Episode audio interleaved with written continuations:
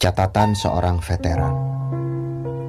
Cerpen Ranang Aji SP Koran Tempo 22 Desember 2019 Setelah jasadnya diangkat dari sebuah selokan di pinggir perumahan Salah seorang menyodorkan sebuah buku kecil hitam kusam kepadaku dengan rasa prihatin. Aku membuka dan membaca tulisan tangan bergaya latin kuno yang lumayan rapi itu dari sana, aku menyimpulkan pria tua Malang berusia mungkin sekitar 100 tahun itu seorang veteran perang. Seseorang yang pantas disebut pahlawan. Tampaknya ia sudah pikun sejak lama. Pakaiannya yang kotor dan basah dipenuhi lencana penghargaan. Aku tak mendapatkan kejelasan asal-usulnya. Tapi aku yakin pria tua itu pergi dari rumahnya seperti kebanyakan orang-orang yang telah pikun yang hidup dengan sebagian memori masa lalu. Berikut ini adalah beberapa catatannya yang sudah aku baca. Meskipun tampak agak kacau dan tak jelas urutan waktunya. Ia menulis cukup jelas. 1. Siang itu aku berjalan menyusuri jalan desa. Aku ingat perintah komandan agar menjaga gerbang desa sebelum rencana penyerangan di pusat kota dimulai. Tapi aku bertemu anak-anak yang aneh tertawa dan mulai tidak sopan. Mereka tidak paham bahwa aku seorang prajurit. Menjaga agar desa tetap aman dan kehidupan mereka berlanjut. Mereka mengikutiku sepanjang jalan sembari berteriak dan bersikap kurang ajar. Bahkan orang tua mereka membiarkan dan ikut tertawa. Mereka tidak tahu betapa bahayanya jika musuh menyerang. Mereka semua seperti orang-orang yang tidak waras dan tak mau mengikuti perintahku agar tetap di rumah. Seorang bocah di ujung jalan melemparku dengan sebatang ranting. Dua, aku bangun tengah malam. Tubuhku berkeringat dan suara serangga malam terdengar seperti dengungan iblis. Perasaanku tak menentu. Aku ingat seorang prajurit, temanku, mati dengan kepala pecah dalam pertempuran. Ia tak sempat berpesan apa pun kepadaku atau siapa saja. Ia mati begitu saja terlentang dengan darah mengalir dari kepala ke tanah. Ketika aku keluar rumah, aku melihat api berpijar di seberang desa. Aku tahu musuh sudah membakar desa. Segera saja aku ke sana tapi aku hanya melihat orang-orang membakar batu bata. Salah satu di antara mereka memberiku makanan dan minuman jahe. Katanya, tak baik aku keluar sendirian di tengah malam. Katanya, beberapa perawan hilang akhir-akhir ini. Tiga, anakku, seorang pria dengan istri yang cerewet dan tak berperasaan kepada orang tua sepertiku. Akhir-akhir ini dia selalu mengomel karena aku dianggap menyusahkan. Sejak kapan aku menyusahkannya? Dia berasal dari cairan maniku, dari tubuhku. Sejak kecil dia sudah merepotkanku. Aku berjuang untuknya dan untuk negaraku. Tapi ia merasa lebih repot dari yang kualami. Pagi itu aku memutuskan pergi dari rumah, menghindari muka masamnya, seperti menghindari serangan Gurkha Knil. 4. Setelah upacara bendera di bawah sinar matahari yang panas, dan mendengar pidato basa-basi anak muda yang jadi pemimpin upacara. Kami, beberapa orang tua yang gemetaran mendapatkan nasi kotak. Kami makan di bawah pohon seperti masa perang. Aku ingat salah satu temanku. Dia satu-satunya yang tersisa dari yang ku kenal dari pasukanku, Kopral Tarjo. Dia membuang nasi kotaknya dan marah-marah. Katanya, merdeka apa-apaan ini? Tidak ada air Tarjo marah karena belum mendapat segelas teh panas. 5. Suatu malam, tiba-tiba aku ingat seorang Belanda berlari telanjang dada dari dalam baraknya dan terjungkal, tertembak dalam sebuah penyerangan. Tetapi ia tidak mati. Ia bergerak lamban dan menangis ketika aku seret ke semak-semak. Matanya ketakutan.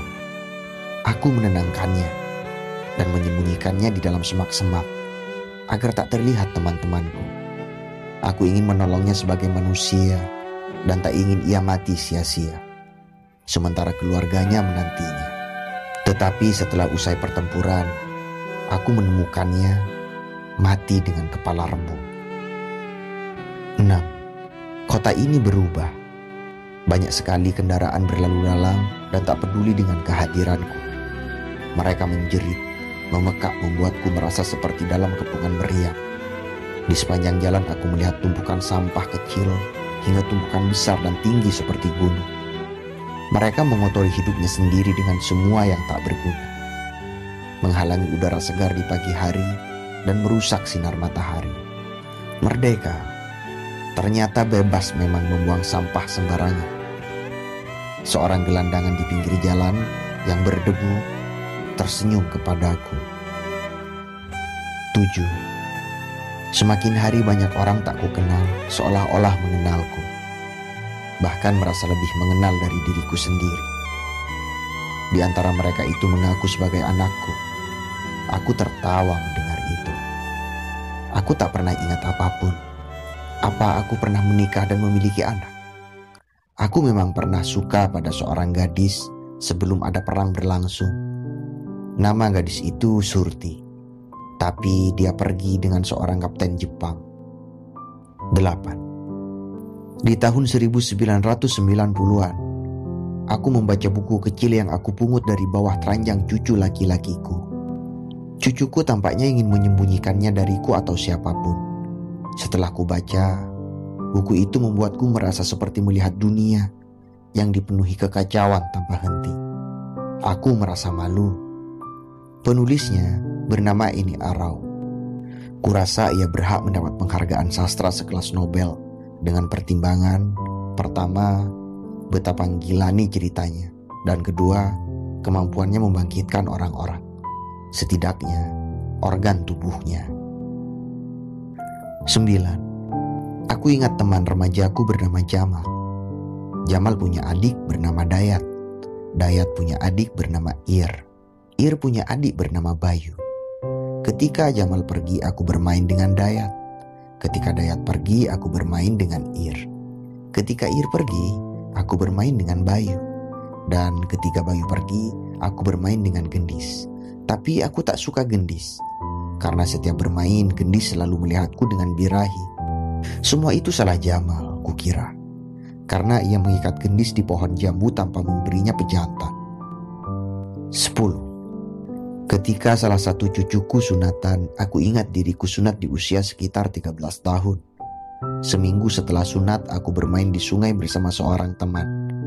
Di sana, aku melihat noni Belanda tengah berciuman dengan seorang serdadu knil. Tubuhnya telanjang. Akibatnya setelah itu, aku demam selama seminggu dan selangkanganku terasa nyeri dan perih. 11. Di Yogyakarta, Tiba-tiba banyak anak muda berkumpul dan berteriak penuh semangat di bundaran UGM. Mereka mengingatkanku pada Soekarno dan para pemimpin muda di masa revolusi. Sementara sebagian yang lain bergegas pergi ke pasar kembang. Ketika aku tanya ada apa mereka ke sana, mereka bilang harga-harga akan segera naik. Mereka ingin membeli bunga-bunga sebelum mereka tak mampu membeli. Iya, dia benar. Kukira di sini harga-harga selalu naik kecuali harga diri. 12. Ketika komandanku memintaku selalu mencatat setiap kejadian untuknya, aku tahu ia punya keinginan agar setiap peristiwa yang kami alami dibaca oleh anak cucu kelak agar menjadi pelajaran. Tetapi tetap saja ia terkadang bersikap tidak jujur. Komandanku selalu mencoret-coret beberapa peristiwa yang kucatat dengan benar. Ia mengganti beberapa di antaranya dan mengatakan kepadaku Nah, ini lebih baik. 13. Istriku adalah wanita yang tidak cantik. Tapi aku selalu mengatakan kepadanya bahwa ia wanita tercantik di muka bumi ini. Ketika malam pertama, aku menidurinya tanpa perlu susah payah menembusnya. Katanya, semua itu berkat jasa seorang kapten Jepang yang dengan kasar memaksanya menjadi salah satu gundiknya. Ia cukup beruntung karena banyak temannya mati dan tak pernah kembali. Istriku menangis saat bercerita dan membuatku kerepotan menenangkannya semalaman. Akhirnya, ku katakan kepadanya akan mencari kapten itu untuk membunuhnya. Tetapi istriku justru tertawa mendengarku mengatakan itu. Katanya, "Sudahlah, lupakan." Perempuan sulit sekali dimengerti. 14. Ketika Sinuhun, Sultan Kaping Songo mengirim surat kepada Sudirman untuk meminta menyerang Yogyakarta pada pagi hari ketika matahari pagi retak, aku tengah dikirim komandanku ke Borobudur. Di sana, aku melihat orang-orang desa kurus seperti jarang makan. Meskipun tanahnya lumayan subur, dengan bukit yang panjang menghijau, Jauh setelah peristiwa penyerangan itu, mereka masih sama keadaannya, miskin dan terusir. Karena orang-orang asing sejengkal demi sejengkal membeli tanah mereka. 15. Aku tidak tahu mengapa orang-orang seperti menertawaiku sepanjang jalan. Bahkan anjing-anjing di desa itu menggonggong keras dan tiada henti. Bukankah aku adalah pelindung mereka selama ini? Aku mempertaruhkan nyawaku bersama prajurit lainnya agar hidup mereka aman dan tentram. Aku kira mereka menganggapku pria gila. Kenyataan itu sangat menyakiti perasaanku. Mereka seharusnya dididik untuk menghargai orang lain yang pernah menjaganya. Itu baru berbudi.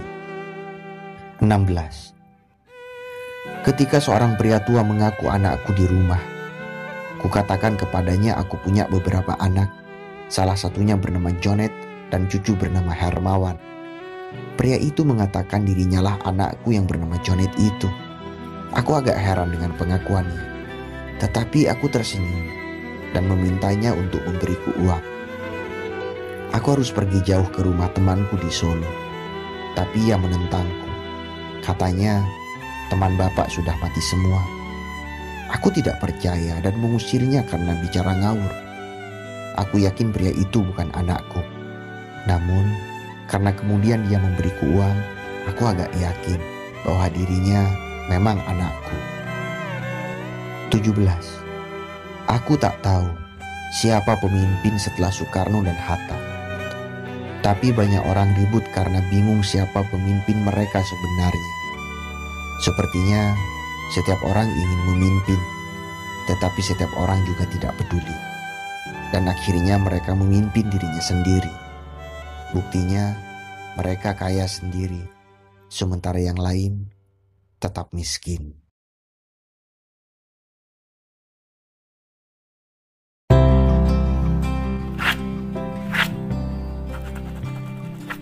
Penuh syukurku sambut engkau di saduran udara podcast puisi cinta, rumah singgah segala hati yang patah, tempat pulang para kekasih Puasa teduh bagi para pecinta.